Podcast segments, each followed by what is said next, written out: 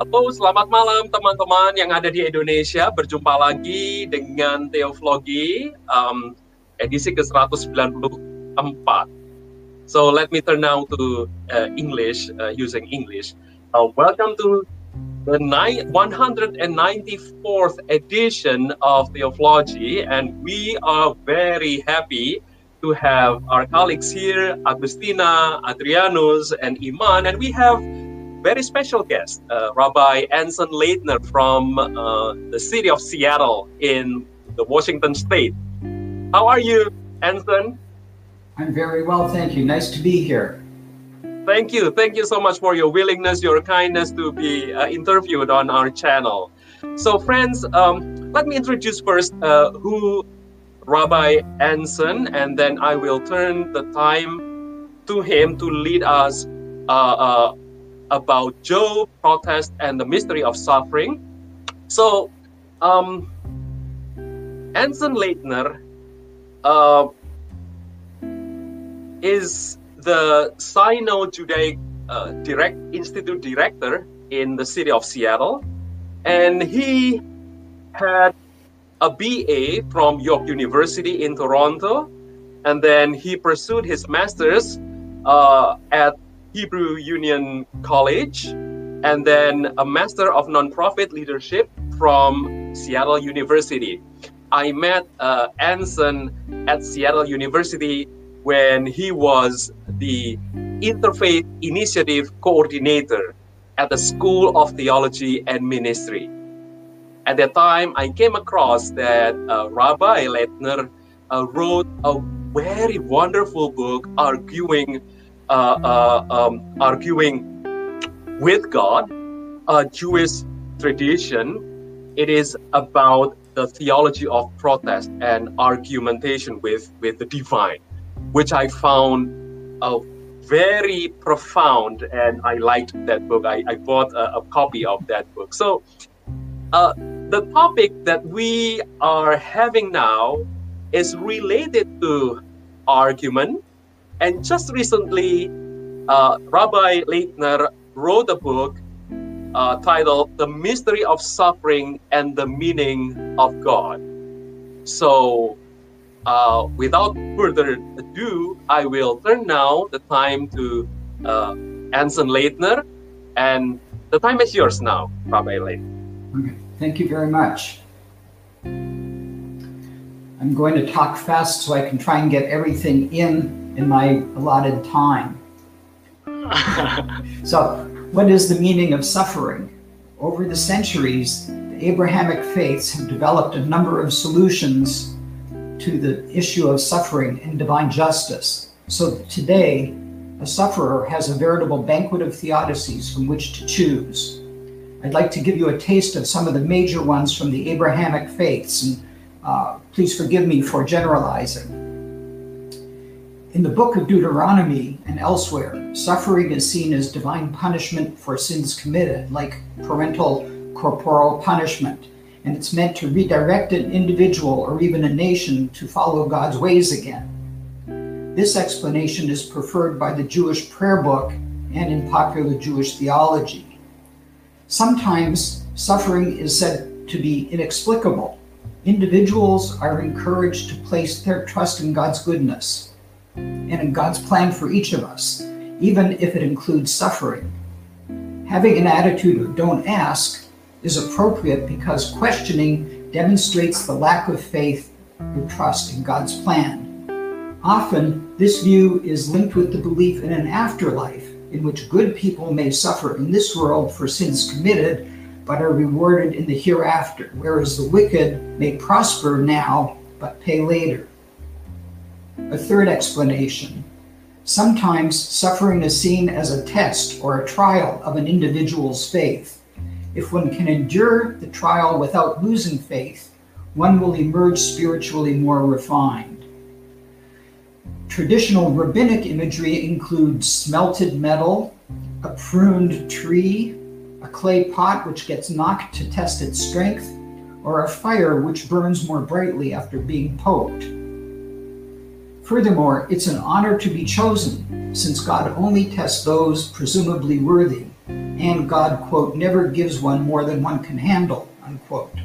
A fourth approach, the Jewish arguing with God approach, holds the traditional concept of God, but it asserts that much suffering happens for no apparent reason and is therefore unwarranted. When that happens, protests can and should be lodged to God against God for, these perceived injustices, even if there's no alternative other than to endure them as part of the divine plan. And I'll talk more about this later. The fifth approach says, it's a Christian one, says that when we suffer, we suffer something with Jesus because in human form, he suffered as we do. Suffering makes human beings the wounded hands and feet of Jesus. Now, this is comforting, I suppose, but I have to ask what benefit is there in having God suffering along with us? A sixth approach is found in some Christian denominations and other faiths which embrace the existence of Satan as an opposing power to God. Good things come from God, bad things come from the devil. Here, human life is the battleground between two or more cosmic forces. Therefore, one prays to the good God for support and strength against the bad. For me, speaking personally, the Holocaust poses a challenge to the validity of any of these theodicies because it forces us to apply our concepts of God and prayer and suffering and providence to the most extreme of life situations. This is what I call the Holocaust litmus test. Whatever your key theological concepts are, they must not only apply to your own life, the challenge is that they must also make sense of Auschwitz. To put it crassly, can one really expect God to pay attention to petty petitions such as supporting your football team when God apparently ignored the prayers of many people who died in Auschwitz or in Cambodia or Bosnia or Rwanda or Darfur. The list goes on. For me, the Holocaust has created an irreversible rift between the religious past on the one hand and its views of suffering and the present. And I would rather suffer the agony of unknowing than choose to rely on any of these ancient answers. I'd like to now return to the way of protest. For me and for many other people today, the biblical stories of God's miraculous interventions into history stand in stark contradiction to the darker realities of human life ever since. the contradiction between expectation and experience has led many people to feel angry with and alienated from God. Now, if these negative feelings were part of a human relationship, they would be shared with the other person in the hopes of gaining some understanding. But when the other party is God, the form of communication is called prayer, and anger and protest generally are not considered appropriate in tone for addressing God. In Jewish culture, however, there is acceptance of a tradition of protest, what I call arguing with God that goes all the way back to Avraham, who chastised and challenged God with, quote, Will you sweep away the innocent along with the guilty? Far be it from you to do such a thing, so that the innocent and guilty fare alike. Shall not the judge of all the earth do justly? Because of the covenant, both parties can call each other to account. And in this setup,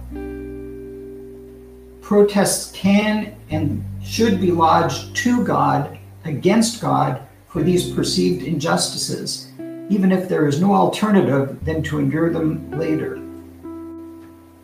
Let me catch up with myself here.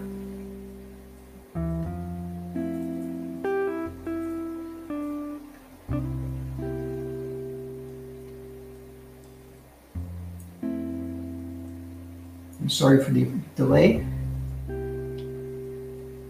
But by calling God to account, in this way, the people's expectations were that they would see God's ultimate justice. But their feelings of anger and abandonment were also validated. So I'd like to give you a few examples. In Psalm 44, God's great acts in the past were celebrated. Quote, We have heard with our ears, O God. Our ancestors have told us what deeds you performed in their time in the days of old. But just a few stanzas later come harsh accusations. Quote, You have rejected, yet you have rejected and disgraced us. You let us devour them, you let them devour us like sheep. You disperse us among the nations. All this has come upon us, yet we have not forgotten you or been false to your covenant. Rouse yourself. Why do you sleep, O Lord? Why do you hide your face, ignoring our affliction and distress?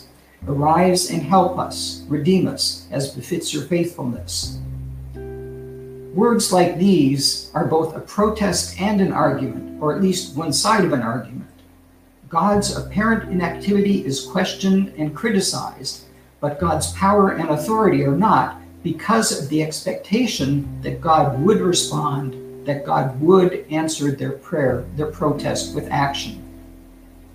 In the Tanakh, or Hebrew Bible, many people protested and argued with God. Abraham, Moshe, Moses, Eliyahu, or Elijah, and Yirmiyahu, or Jeremiah, also in many of the Psalms. But the book of Job, or Job, stands out as the pinnacle of biblical argument motif. I'd like to now turn to look at this book in some detail. The structure of the book of Job makes it impossible to make a definitive theological statement about it because of the preliminary conversation between God and Hasatan, the adversary or prosecutor, which casts doubt upon the conclusions reached in the main part of the book, chapters 4 through 27, which is a discussion between Job and his so called friends.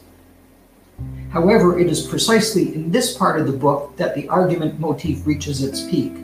Let me elaborate. Job initially reacts to his unwarranted suffering by affirming his faith in God. Quote, The Lord gave, the Lord has taken away, blessed be the name of the Lord. And at the start, his friends offer good emotional support by not saying a word. But gradually, as Job grieves and laments, they begin to challenge Job to examine his behavior to see what sins he might have committed in order to provoke divine punishment.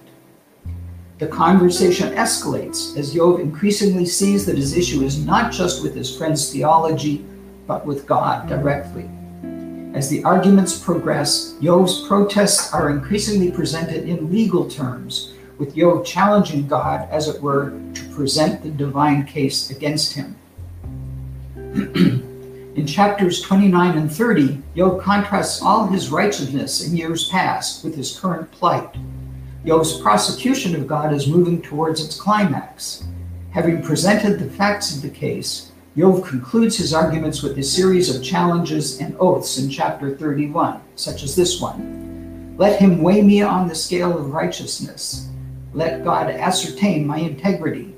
If my feet have strayed from their course, my heart followed after my eyes, and a stain sullied my hands, may I sow, but another reap. May the growth of my field be uprooted. This culminates in chapter 31, verses 35 through 40, in which Job pleads for arbitration. Oh, that I had someone to give me a hearing. Oh, that Shaddai would reply to my writ or my accuser draw up a true bill.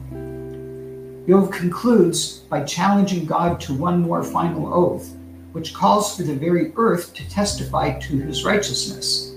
If Job is wrong, then the earth, source of all blessings, will be in effect cursed to him. Now, according to the use of oaths in a biblical law court, God must appear so that Job can confront his accuser and be vindicated if possible. And when we set aside Elihu's interruption, God in fact does appear in a whirlwind to answer Job's legal challenge. As we all know, God never addresses directly Job's complaint, but rather tries to overwhelm Job with the majesty and mystery of creation. But Job refuses to be baited by God. He does not attempt to answer God's challenge. He simply backs down and retracts his suit in chapter 42, verse 6.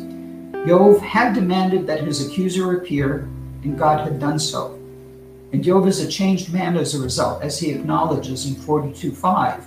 I have heard of you with my ears, but now I see you with my eyes. But Job never says, I am wrong. He only declares, I am of small worth.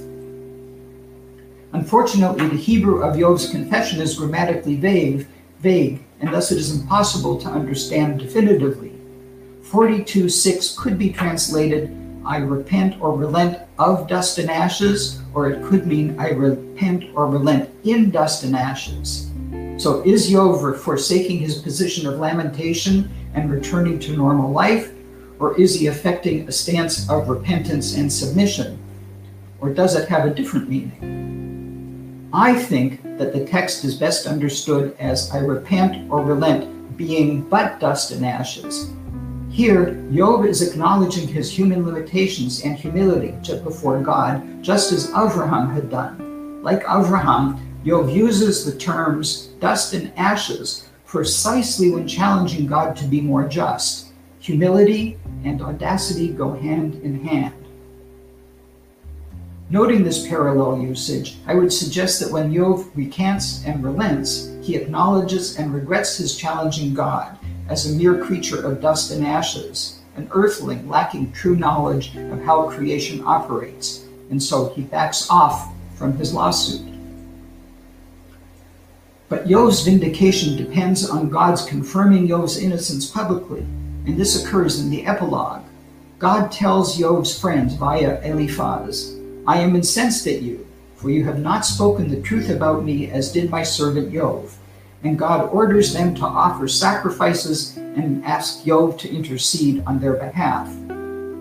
The issue is how to talk about God, and clearly God is saying that the friends are wrong in their views. But in what way is Job correct? What is the truth Job spoke, to which God refers? Is it in Job's acknowledgement of his dust and ashes state of being, like Abraham did? Or is it in his fiery, backhanded affirmations of his expectation of divine justice? One key distinction to note Job speaks directly to God, where his, whereas his friends speak only about God. Is this what God approves of?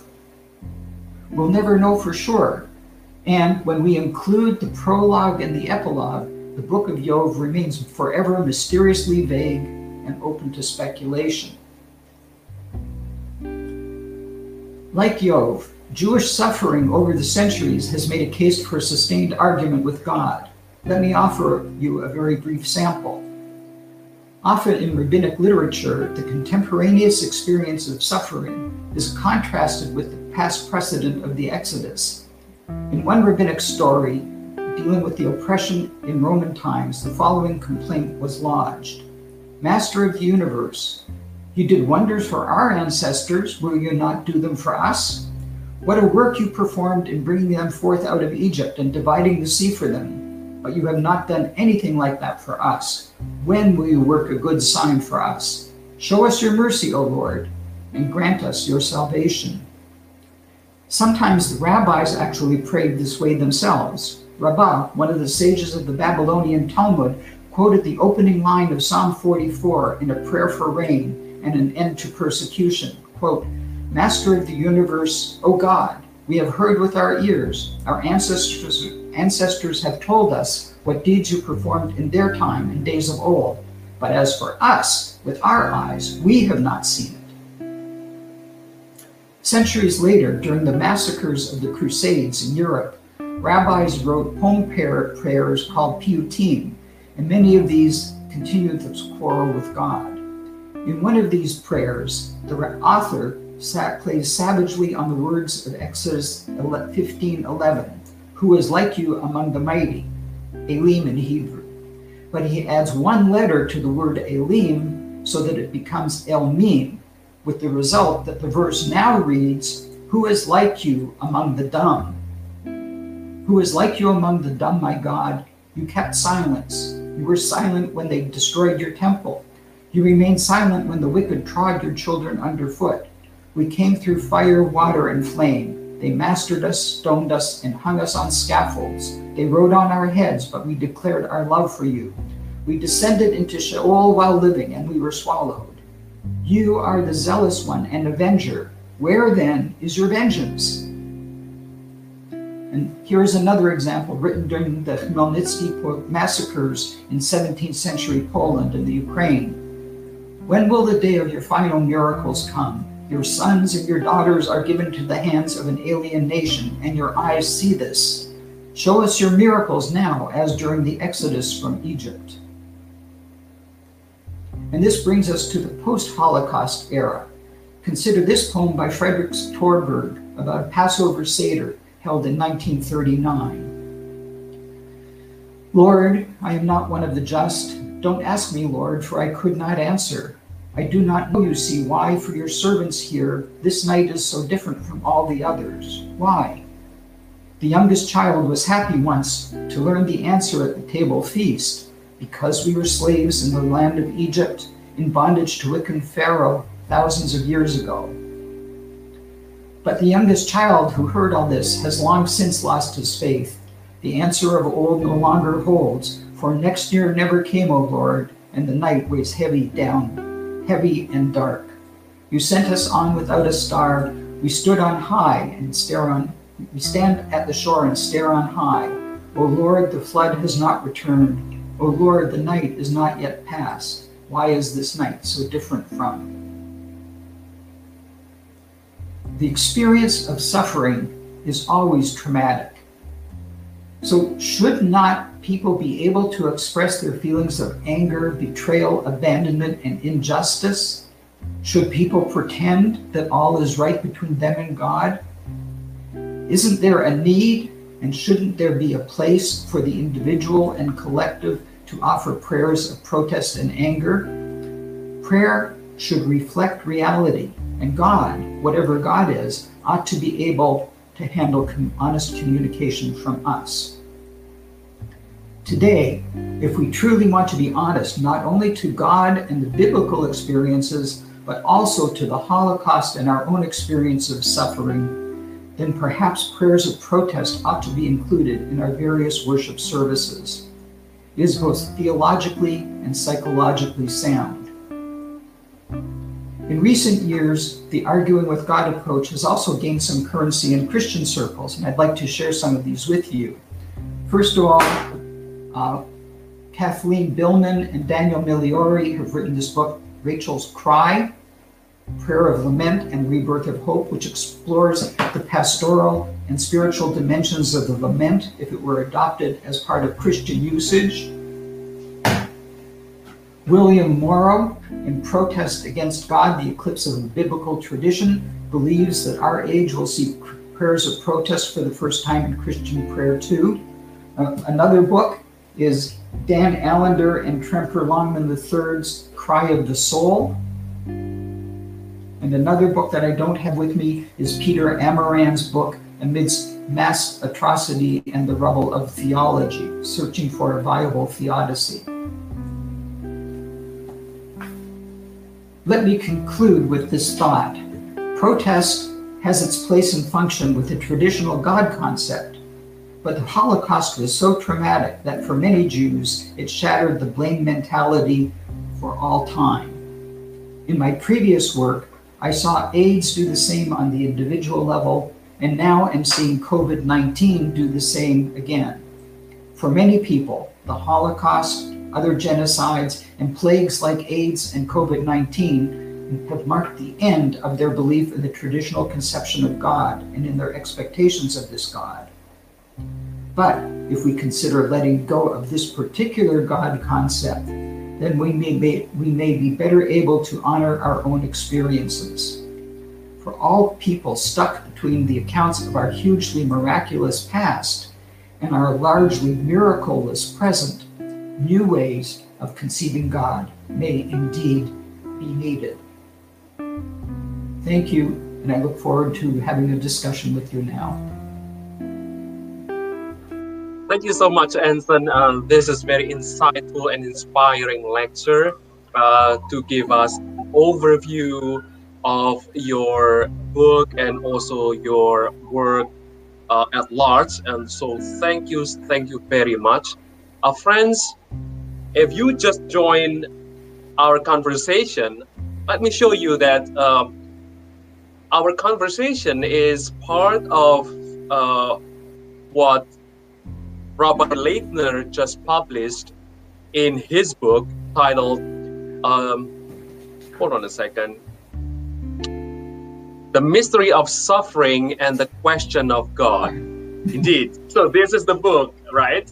Uh, the Mystery of Suffering and the Meaning of God, Autobiographical and Theological Reflection. And so you can find this book. This is a very interesting book, and I I, I, re- I read uh, uh, um, I have in my Kindle um, device. So I would suggest you and encourage you to, to, to buy this book. This is really interesting and insightful. Um, so let me kick off with one question and then I will uh, uh give to my colleagues here if they have questions. So, Anson, but there are many, many groups in uh, Judaism, in Judaic religion. Um, do all groups subscribe to the tradition of protest and the, the tradition of arguing with God? Um, I would say, paradoxically, you might find it more in the traditional communities than in the liberal communities because they are much more attached to this traditional concept of God and still hold that God did miracles um, such as we read about in the Bible. Um, in fact, one time I gave a talk with a uh, Hasidic rabbi in front of a, a mixed Jewish audience, and someone asked him if he agreed with me. He goes, Of course, you know, this is our tradition, so why wouldn't I? So, but on the liberal side of, of the community, they're looking at different conceptions of God. And so this is more a literary motif than perhaps a living theology for them. Interesting. Thank you so much. Okay, friends, um, Tina or Iman or Adrianus, the time is yours now to uh, ask something or to, to respond to uh, Rabbi Laytner's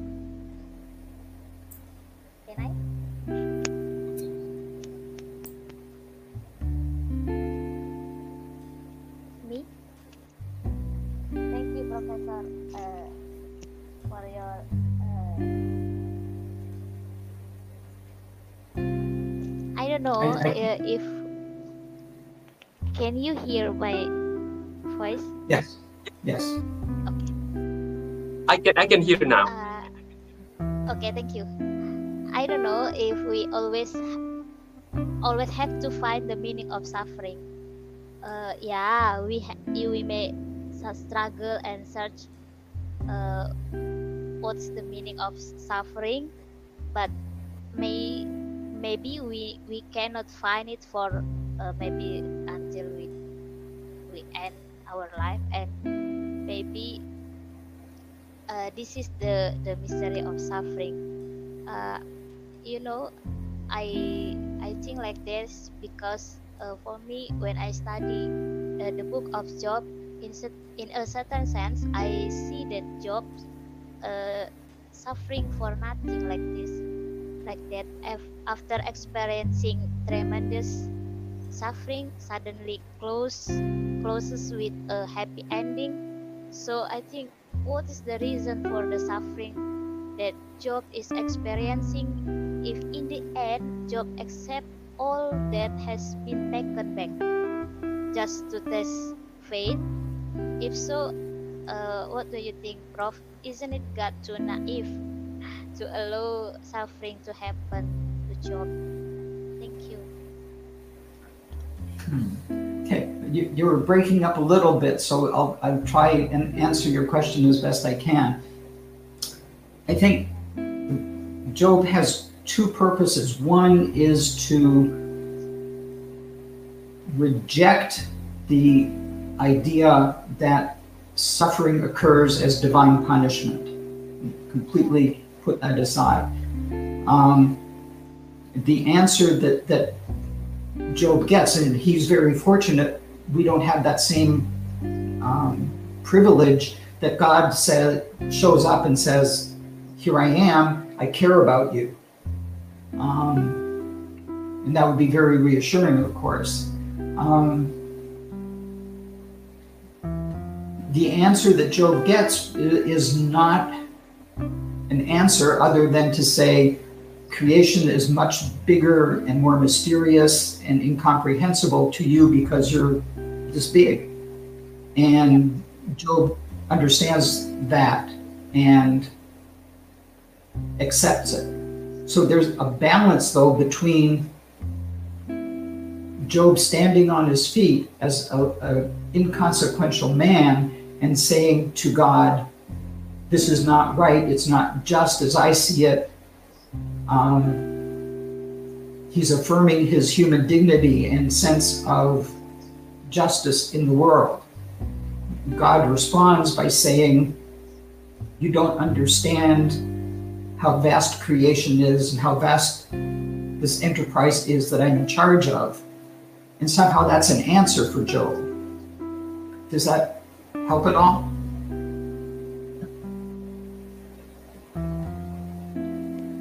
Tina, did that answer your question?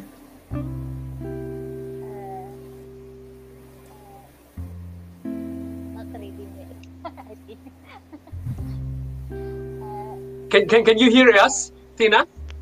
Can I can. Uh, my my question. Uh, maybe. Uh, can you explain? Maybe. Uh, what do you think? What is the reason for the for the some uh, for uh, sorry? What is the reason uh, the suffering of Job if after Job experience all suffering before and in the end uh, I, think everything's uh, come back to him from children uh, everything so uh, what for uh, Job suffer all things if in the end he get back all things he mm-hmm. lost before like hmm. Okay, so other than the part that I cited in my speech, I don't like the epilogue because it's like a fairy tale ending. So do I. it's like, but in, in, in my book, I ask a bunch of questions. It's like, okay, so God gives Job back even more than he lost. But does Job ever forget all his children who died? I mean, do, do any of yeah, us forget? Yes. So did that, did Job forget what he, his old bunch of kids? Yeah. What about Mrs. Job who had to give birth to all those children? a, whole, yeah. a whole new set. I mean, that's incredible. So it, I don't take the epilogue too seriously um, because I don't think, I think Job would have moved into that situation with post traumatic stress syndrome so yes, yes, his fortunes were restored, but mentally, spiritually, was he still the same? I don't think so. Yeah. We don't know. okay. Well, well, jokingly can be said that um, in the epilogue, the trauma now is Mrs. Job's, uh, uh, not Mr. Job's, because she has to give birth to 10 more children. yeah. Yeah. okay, Adrianus or Iman, we can hear. We cannot hear you, Josiah. No, still. Or let me turn to Iman first. Okay. Thanks, Yos, and thank, thanks, Mas Nindyo. Hi, Rabbi Anson. Thank you for your great presentation. and uh, as we know in the Hebrew Bible, um, and as you mentioned before, there are some figures who who try to argue ar- mm-hmm. argue with uh, to God, like Moses, Abraham, uh, Jeremiah, and also Job. And my question is, do you think arguing to God is a proper act uh, when we experience suffering. Like, uh, is that a proper act? I mean, uh, what is the difference between arguing to God and uh, giving thanks to God? Because arguing to God, it's like we don't accept uh, the bad things that we are suffering now, and uh, giving thanks to God is we that it that means that we are accepting uh, the things that we experience. So, how do you take on this? Okay. Um, in the in the main dominant Jewish tradition, we are supposed to give thanks to God for both the good things in life that happen to us as well as the bad things in life that happen to us because we're told all things come from God. So probably the same in your tradition as well. Arguing with God says the same thing.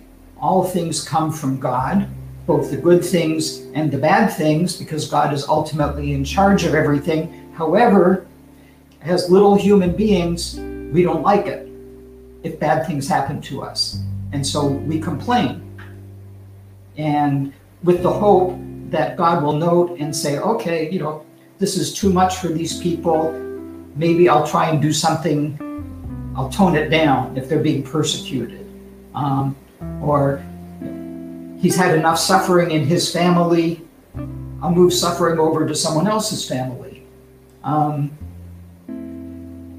I think it's just a way, protest is a way of affirming our emotional and spiritual pain. And so it's not a question of proper or improper. I think we need to do it. And I think that God, being the creator of all, will, would understand and mm-hmm. listen to our feelings of anguish. Mm-hmm. Of course, there are those. Oh, it's like there are those clergy who would say, no, no, no, that's not the right way to talk to God. I think God can handle it.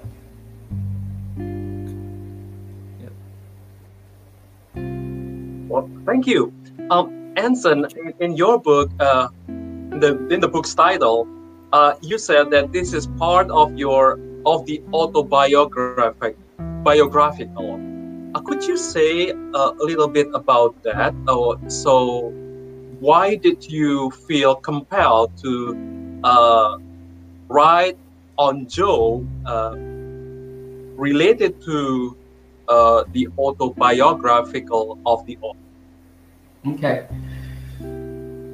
Um, number of years ago, I think it's now like 12 to 10 years ago, uh, my family had a whole series of bad things happen to it. Um, my wife was diagnosed with uh, ovarian cancer at almost the same time that her sister, my, my sister in law, was diagnosed with a brain cancer. Um, while they were in the hospital, um, my father dropped dead of a heart attack. Um, my eldest daughter um, got leukemia. And so within a year period, we were just like hit cancer, cancer, cancer, death, death, death. Um, and it was frankly overwhelming. And so that made me identify with what Job went through the beginning of his book. And first, I, I identified with the arguing because of my own academic studies. But then I said, okay, maybe God isn't in charge of things the way we think, and maybe I need to start thinking of God in a different way. Um, and I thought very, um, I guess, anthropologically that in the biblical world, they thought the world was flat and there was like a big solid dome of the firmament above the heavens. Today we know that the earth isn't flat and there is no big dome. So why would we think that God is the same for us as it was for our ancestors we should allow God to grow and change as human understanding of things grow and change. It's not to say one is incorrect and one is more correct, it's just different. Mhm. So I want an, uh, a wider explanation, ex, a wider diversity of understandings of God. And that ultimately made me more peaceful, more able to connect with God um, once I said, I'm putting these traditional ideas to one side. Thank you. Adrianus. We still cannot hear you. well, this is the interruption from the divine, I think, or from Hasatana. Well, we don't know.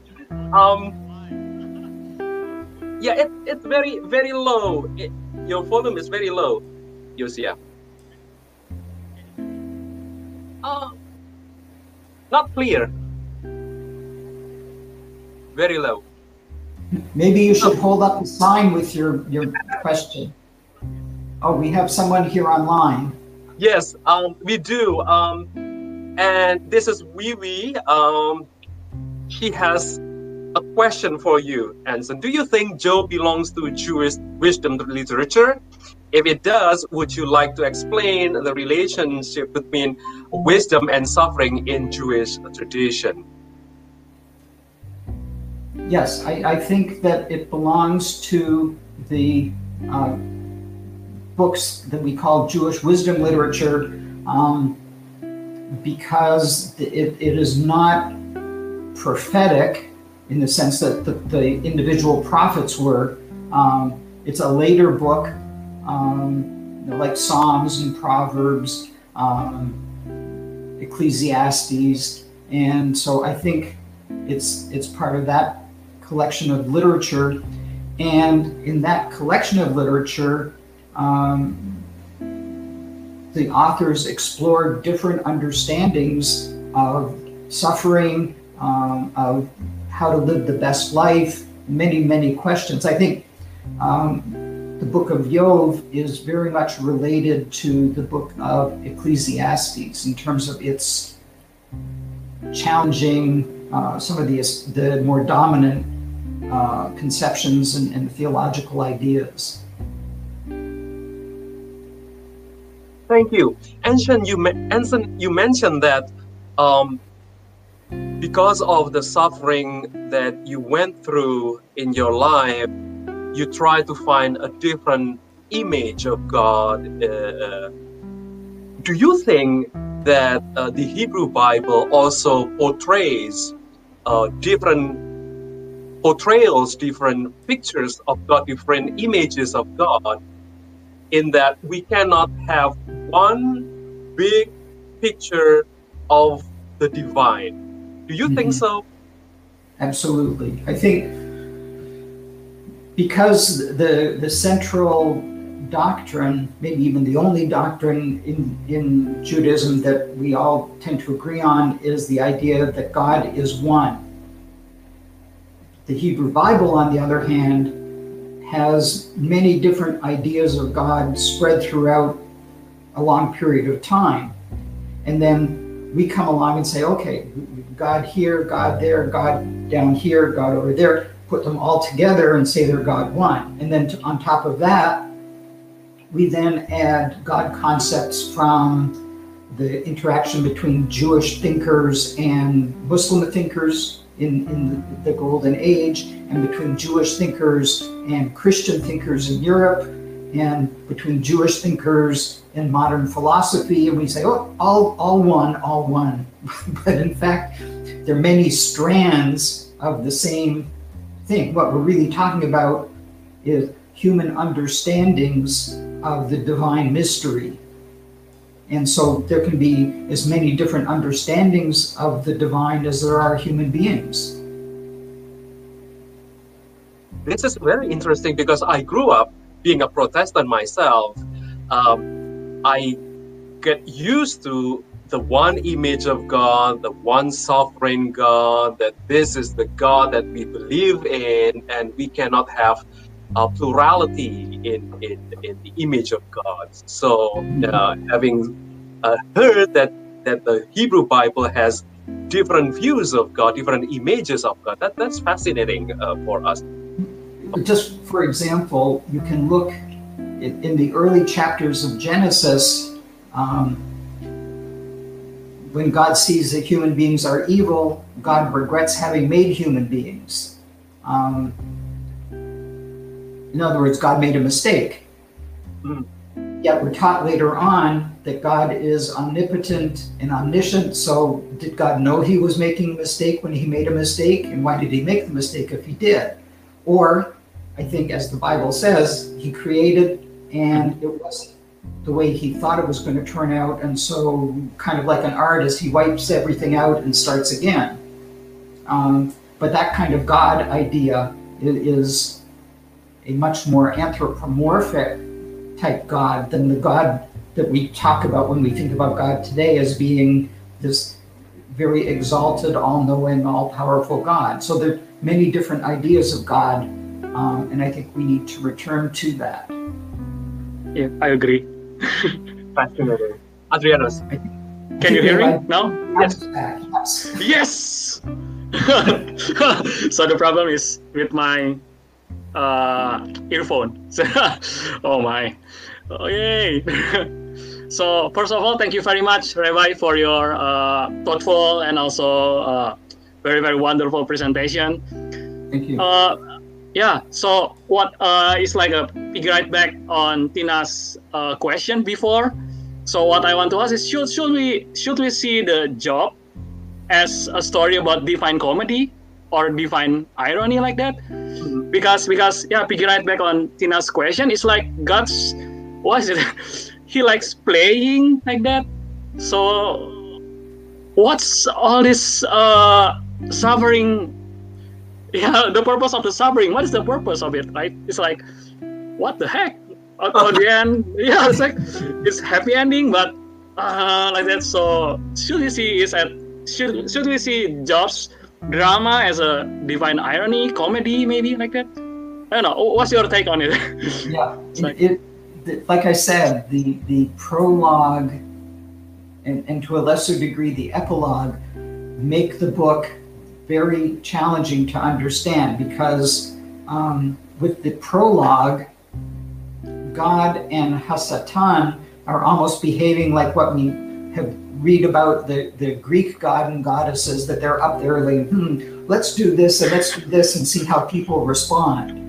Um, and that changes the whole nature of the book. We, the, the listener or the reader, when we read the story or hear the story, we are privy to what's going on up in heaven. So we know that the whole thing is just a game, a little wager between God and Hasatan. Um, if we didn't know that and started in with chapter 4, we would be sucked into the real drama of Job confronting his friends and then demanding an accounting from God. Um, but you put the prologue in front of that, and in a sense, the whole thing does become a joke. yeah. And that's problematic. So that's why I say the, the book of Job has multiple problems that make it impossible to come up with a definitive answer. Is it a, a, a joke based on a heavenly wager?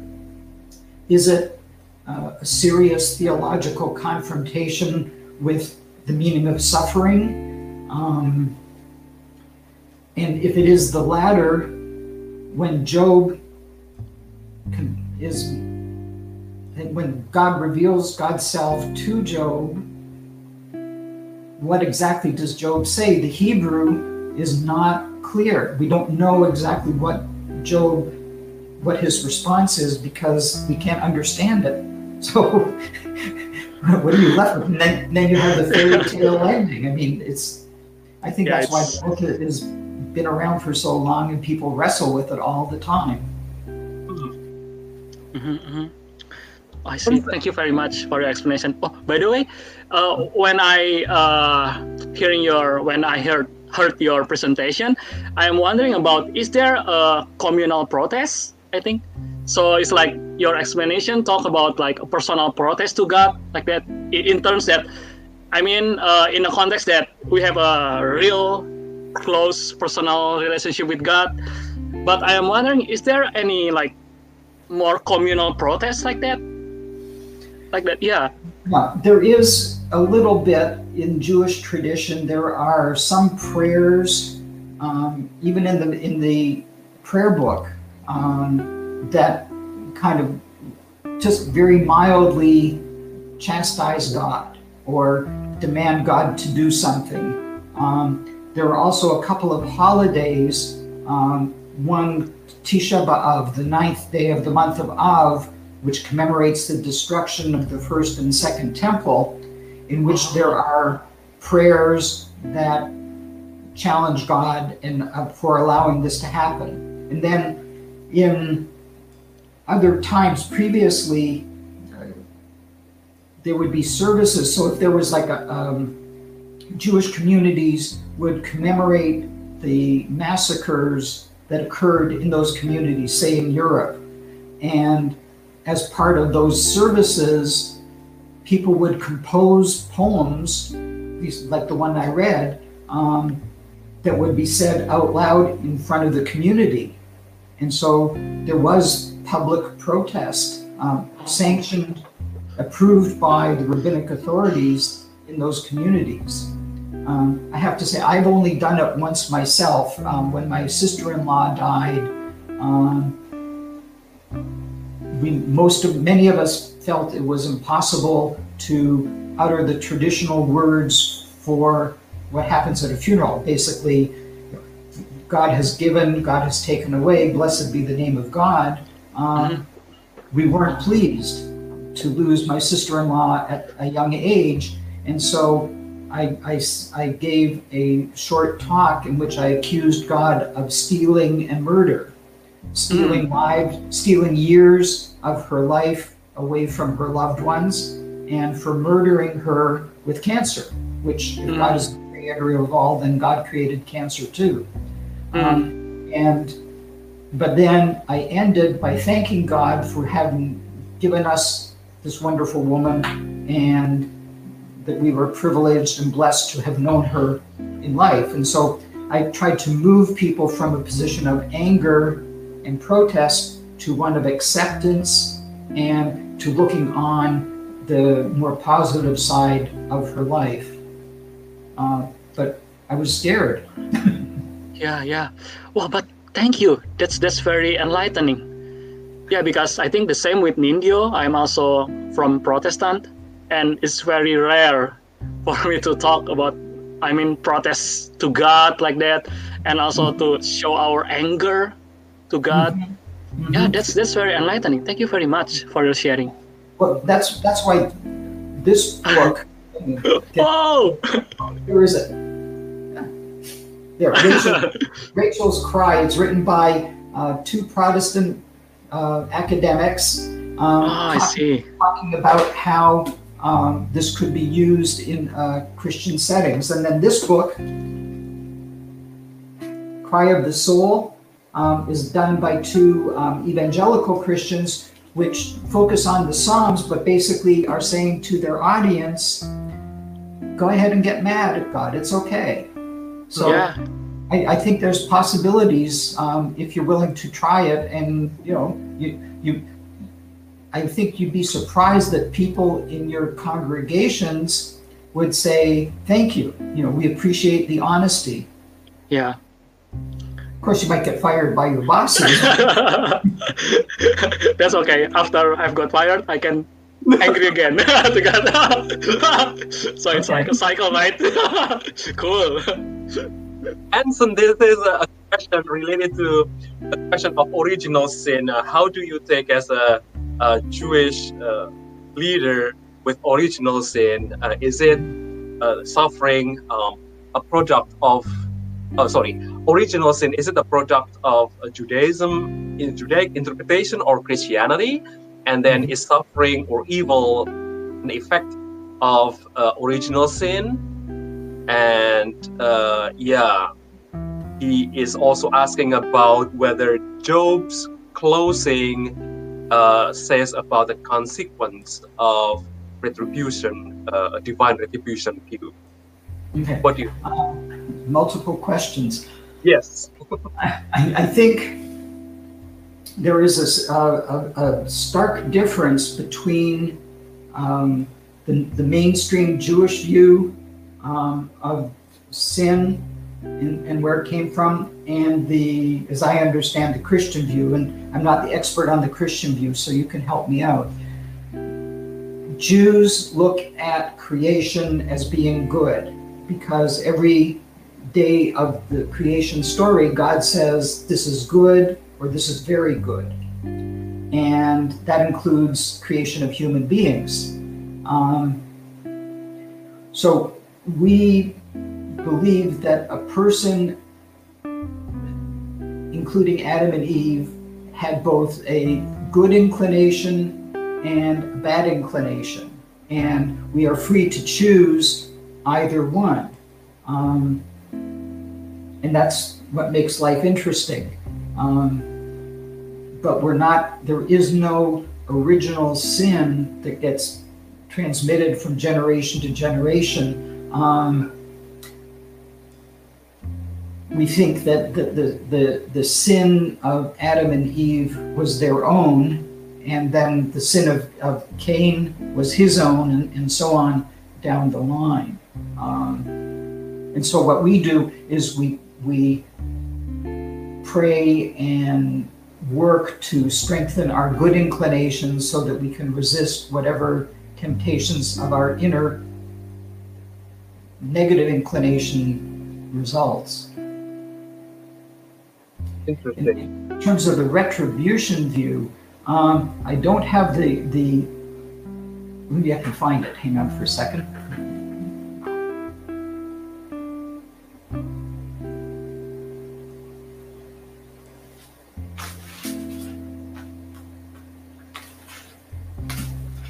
one of the things that I found as I was doing this was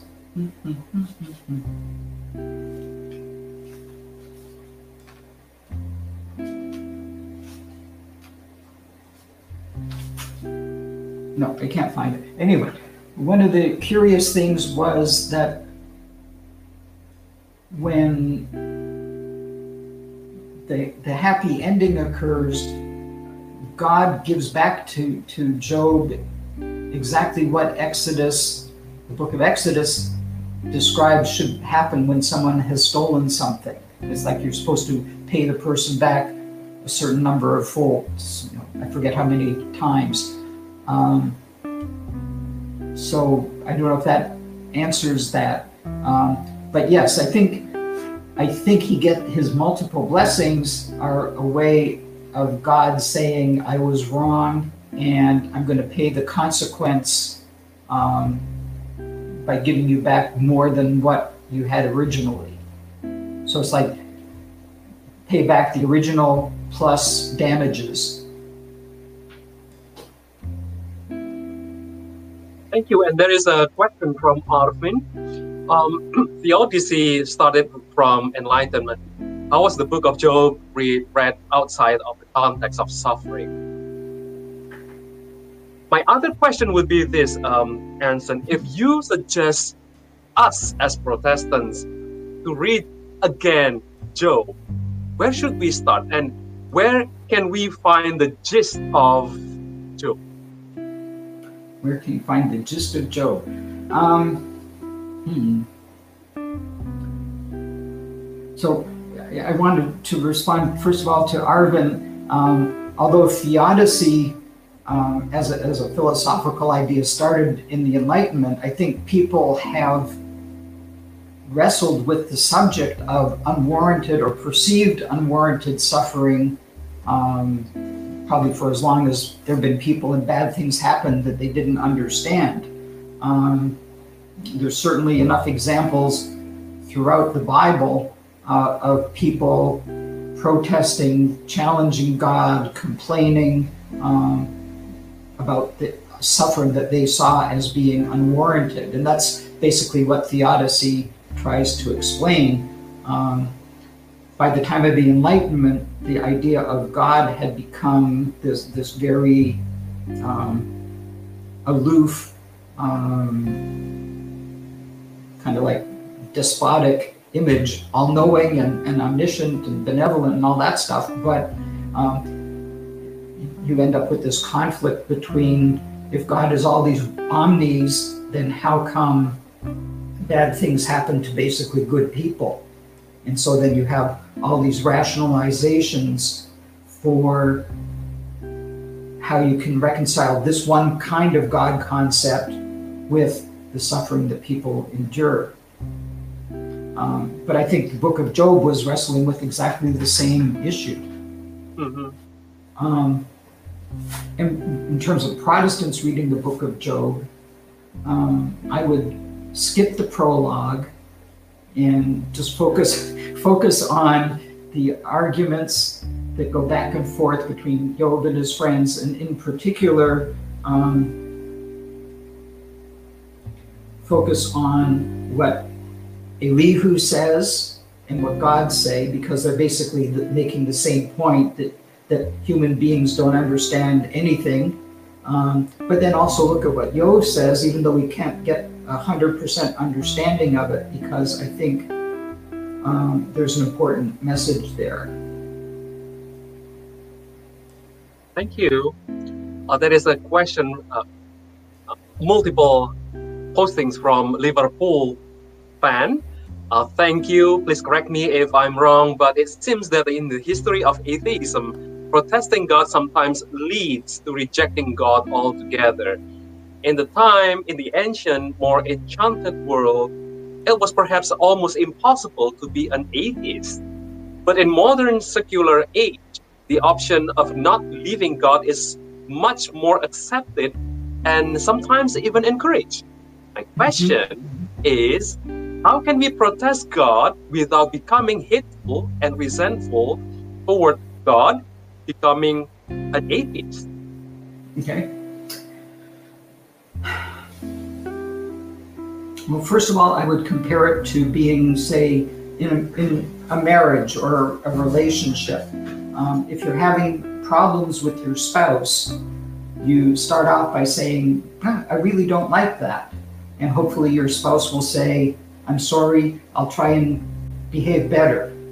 Um, at some point, if you keep saying, I'm really angry when you do this and this and this, and your spouse doesn't respond in a way that you feel heard, then yes, you can get hateful and resentful to that spouse. And um, you might even divorce. And so, yes, a person, and we saw this with the Holocaust, um, and maybe you know other genocides had the same result. That people start off by saying, "Where's God? How could God allow this to happen?" But by the end of their experience, they say, mm, That's it. I'm divorcing myself from this God. I don't want to have anything to do with this God ever again. And, and there are lots of uh, survivors of the Holocaust who, in fact, feel that way. Um, I'm not sure if that makes them an atheist because they still identify as Jews. They're just not on uh, speaking terms with God. And they're not having a relationship with God. That doesn't mean that God doesn't exist. It just means they're really pissed off. Um, the other, flipping it around, protest and argument are based on the idea that God does intervene in history and in human life. But if we don't adhere to that idea, if we think of God maybe in terms of general providence guiding all of creation the way the book of Job does, um, but not specifically moving us around like pawns or moving whole armies and things like that, then there's no reason to protest. Because what happens here is just random chance.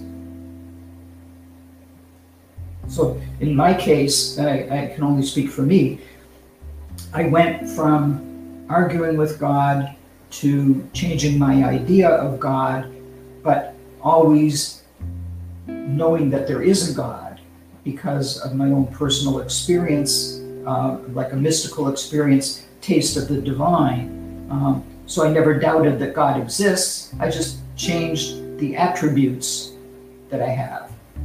Interesting. Iman.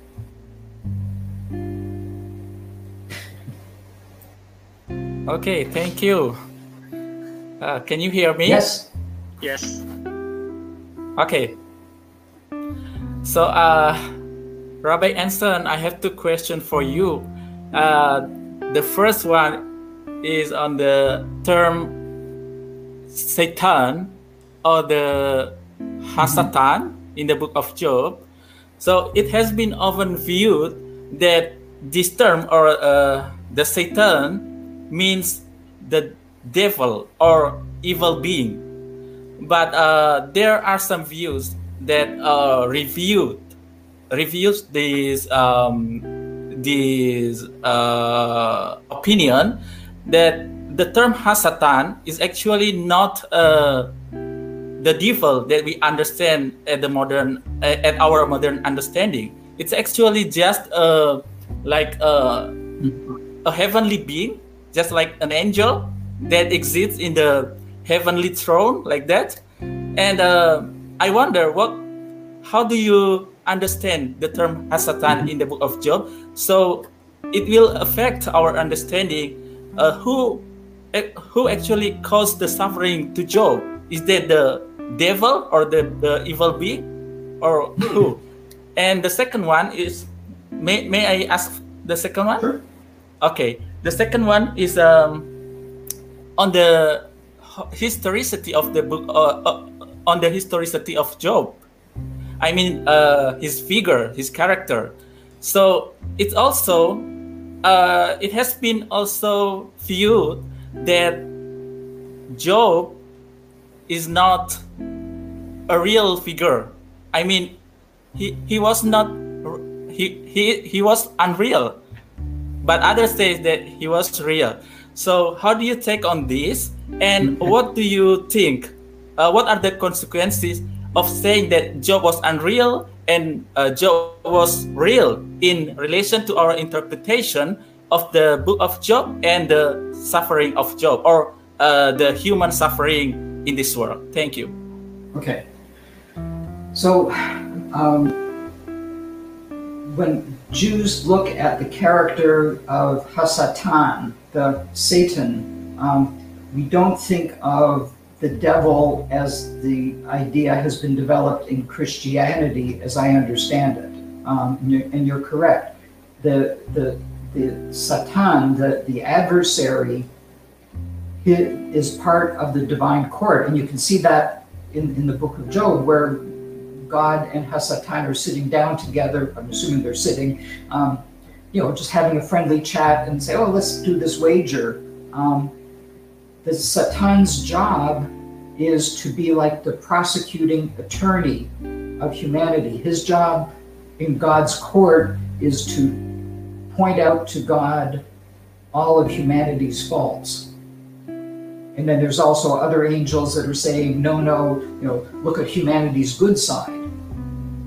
So, and that's the extent of uh, Hasatan's job. Um, there are lots of rabbinic stories about how um, Hasatan appears to Abraham uh, when Abraham's told to sacrifice Isaac, and he's kind of whispering in Abraham's ear, you know, trying to get Abraham not to do what Abraham wants to do, um, for example. So, very different than this kind of cosmic force of great evil that's an enemy of God. This is a, a much toned down idea. Um, the, the classical rabbis debated whether Job was a, a historical figure um, or not, whether he was a Jewish figure or not, um, and they couldn't decide. So we have multiple answers to that question in our tradition about whether he was historical or not. I personally do not view Job as a historical figure, um, but that doesn't diminish the uh, wisdom and the challenges presented by the book to our understanding of suffering.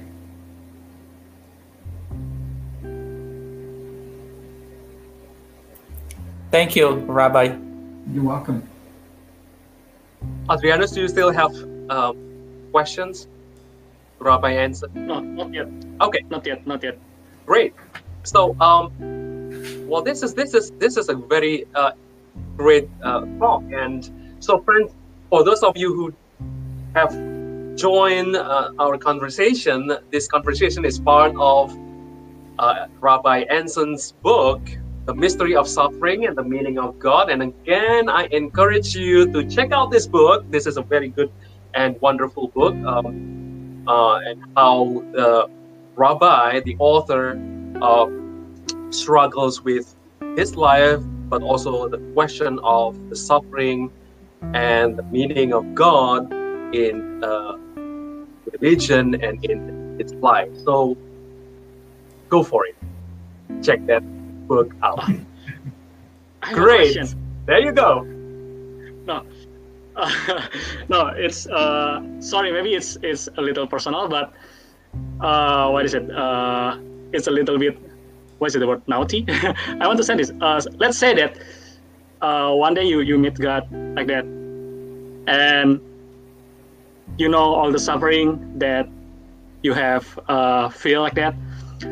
So I just wondering when you see God, will you say to Him like, uh, please uh, diminish the suffering in this world like that because you you face the suffering right a lot of things make you hurt but and will you say that i, I don't know Uh, can, you understand yeah my question Yeah. i just wondering like that Okay. yeah uh, Um,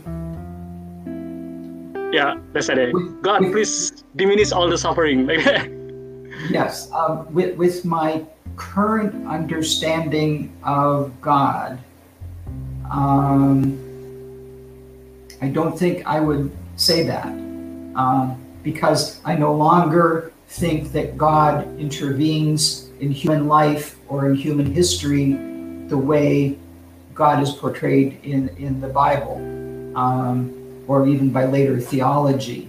Um, I would say, well, even to say, I would say to God, I mean, that's a very anthropomorphic kind of thing to say.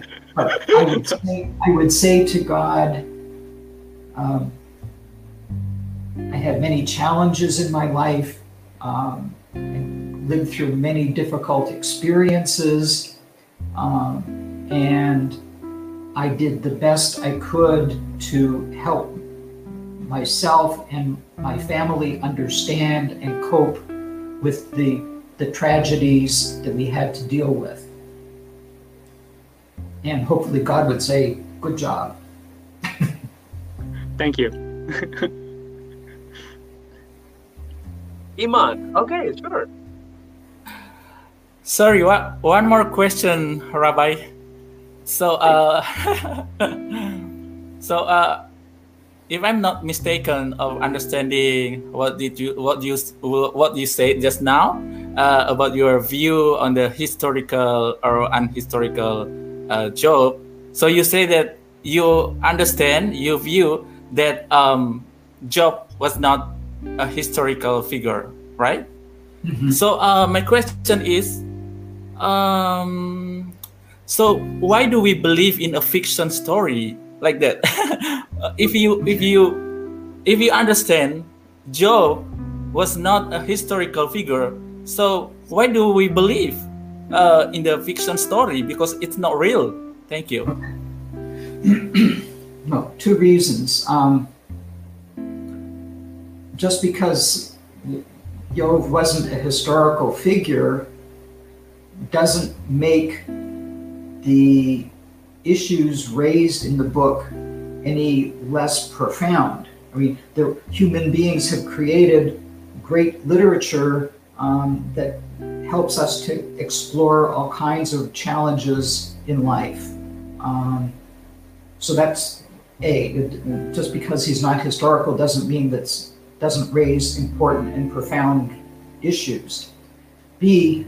Um, the book is very ancient, and because it's so ancient, we tend, and it's part of our Bibles, um, we tend to give it special reverence. And so, for what that's worth, that's another reason why we should accept it and, and think it has value. Okay, one more, please. Oh, sure. Yeah. Okay, one more. I'm so curious about the book of Job. So, so uh, my question is on the um, Eliphaz speech to Job when he is trying to comfort Job, and uh, he say he says there that uh, he like he got inspiration from uh, from God or God. So my question is is is the inspiration that come to uh, Job actually from God or something from something else? Hmm. I don't know. I don't know the answer to that. Um, I think when when the friends, so-called friends, talk to Job, they are maybe they feel they're inspired by God too, but they are basically repeating the understanding of why bad things happen um, that was common to people in their time period. Um, and that's precisely what God in the epilogue rejects. He says, You didn't speak correctly, you didn't speak the truth about me, as did my servant Job. Um, and I, I point out in my talk that the difference, one of the differences is that Job is talking directly to God, and the friends are talking about God. They're talking what they think God is doing. And so it's in, in a way, it's um, the difference between a person who has a direct experience of the divine and a theologian who may often just talk about God, but not necessarily have talked with God or experienced God. Um, so there's a real difference there. Thank So you, not- thank you. Like I say, I'm not sure that, that Eliphaz was divinely inspired to tell Job that he must have sinned. Mhm. Constant, uh, this question might be uh, personal, but I think this is to conclude our section, um, which is very fascinating for me. I have lots of questions that I want to ask you, but given the time, um, I don't uh, have much time anymore. But see, uh, Jafar really want to check out your book, and um, because this is related to what is happening to his uh, life. But Anson, if I could ask you, given what you have done, if you, given your experience, given what you have uh, gone through in your life, if you are suffering, uh, uh, what spiritual practice that you do, uh, and what kind of image of God uh, that you have now? Okay. Um, so I base my understanding, my limited understanding of God, on the Hebrew name of God, which um, are the letters Yud, He, Vav, He, which is a combination of the verb, the present tense and future tense of the verb to be. So how do you translate that? It's like God's name is, is, will be. Um, but, but what it means is that God is present and God will be present in the future, um, and that's God's name. And so I accept that.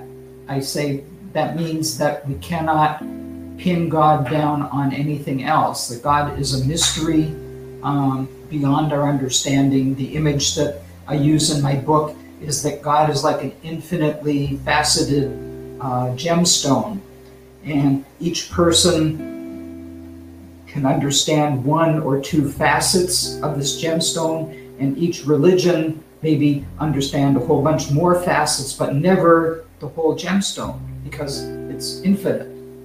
Um, and I'm content with that. Uh, but it also allows me to engage in interfaith work because I realize that my perception is joined with your perception and your perception and your perception and your perception, and all of our faiths together help us understand how we human beings, uh, who are very limited creatures, understand the divine. So it allows me to engage on an equal footing with people of other faiths. In terms of my spiritual practice, um, Nindio, you hit me where it hurts because it, I don't have a, a, really solid spiritual practice. I guess if I have a spiritual practice, it would be uh, when I write. It's like a, a creative spiritual act for me. Um, when I am enjoying my life with my wife or my children or my grandchildren, um, and I'm really aware of the blessings that I have, um, then that's part of my spiritual practice. And, and I try um, each morning when I wake up, um, I go outside and I breathe the, the fresh air and I say, Thank you for keeping me alive and, and sustaining us and being able to appreciate another day. Um, and even when things were challenging for me, like when, when my wife was dying, um, I was still able to look and find some blessings and things to be thankful for, even in, in those times. Um, what is lacking in my life, and I haven't found because there isn't any um, Jewish community that would fit the bill,